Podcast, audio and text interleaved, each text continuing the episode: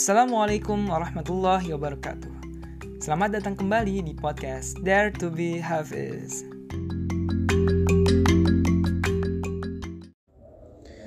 أعوذ بالله من الشيطان الرجيم يا أيها الذين آمنوا إذا نكحتم المؤمنات ثم طلقتموهن من قبل أن تمسوهن فما لكم عليهن فما لكم عليهن من عدة تعتدونها فمتعوهن وسرحوهن سراحا جميلا Aku berlindung Allah dari godaan syaitan yang terkutuk.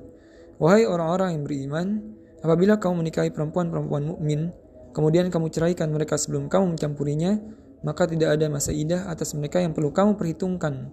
Namun berilah mereka mut'ah dan lepaskanlah mereka itu dengan cara yang sebaik-baiknya. IAA ke-62 masih di surat Al-Ahzab ayat yang ke-49.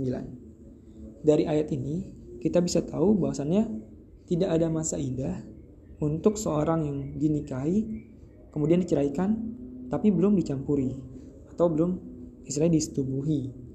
Nah dari sini kita tahu akhirnya kan bahwasannya pentingnya masa idah itu yang entah tiga bulan, empat bulan atau beberapa kali masa suci itu adalah untuk membedakan uh, keturunan antara satu orang dengan orang yang lainnya gitu. Ya, maksudnya apa sih? Sulit juga sih ya untuk menjelasin Kayak misalnya nih, kalau misalnya uh, nikah sama si A nih si cewek yang namanya C ini gitu. Kemudian dia kira cerai. Kalau misal dia udah udah bersetubuh kan istilahnya ya akan gaswat gitu kalau misal ternyata uh, kemudian dia nikah lagi sama si B terus dia apa namanya langsung langsung nikah nggak pakai masa idah tahu-tahu dia punya anak anak itu masih bingung itu sebenarnya anak siapa? gitu. Istilah kayak gitu. Jadi jadi kayak ada batas suci itu untuk tadi memisahkan. Sebenarnya nanti kalau misalnya mempunyai anak tuh anak siapa sih itu? Untuk memperjelas hal itu. Jadi Islam mensyariatkan hal ini. Ya mungkin itu ada hubungannya juga sama ilmiah mungkin barangkali ya. Karena kan entah itu ya janin ketika, ketika tumbuh itu kan mungkin di masa-masa berapa bulan atau sekian kali suci itu dia memang uh, istilahnya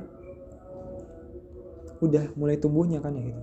Atau juga mungkin kalau misalnya nggak uh, ya istilahnya itu ya mungkin salah satu bentuk sistem gimana akhirnya membersihkan dari yang pernah ada gitu. Istilah entah itu gen atau apa gitu nyangkut atau apa gitu kan nggak tahu. Tapi yang jelas ya tadi untuk membedakan untuk memperjelas sebenarnya kalau misalnya punya keturunan tuh keturunan yang mana sih? Dari yang bapak yang sebelumnya atau yang sekarang gitu istilah gitu.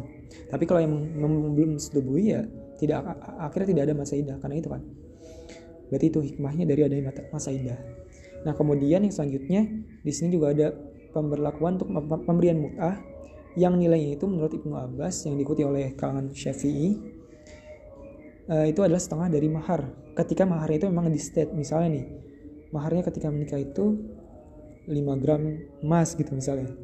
Nah, berarti yang cukup bayarkan aja dua setengah gramnya gitu cukup setengahnya untuk memberi pemberian muka ini. Ini semacam kayak pesangon sih kalau ditulisannya di tafsir jalan lain. Gitu. Entah ya hikmahnya apa ya. Mungkin hikmahnya juga kayak biar nggak kayak nggak semena-mena gitu kali ya.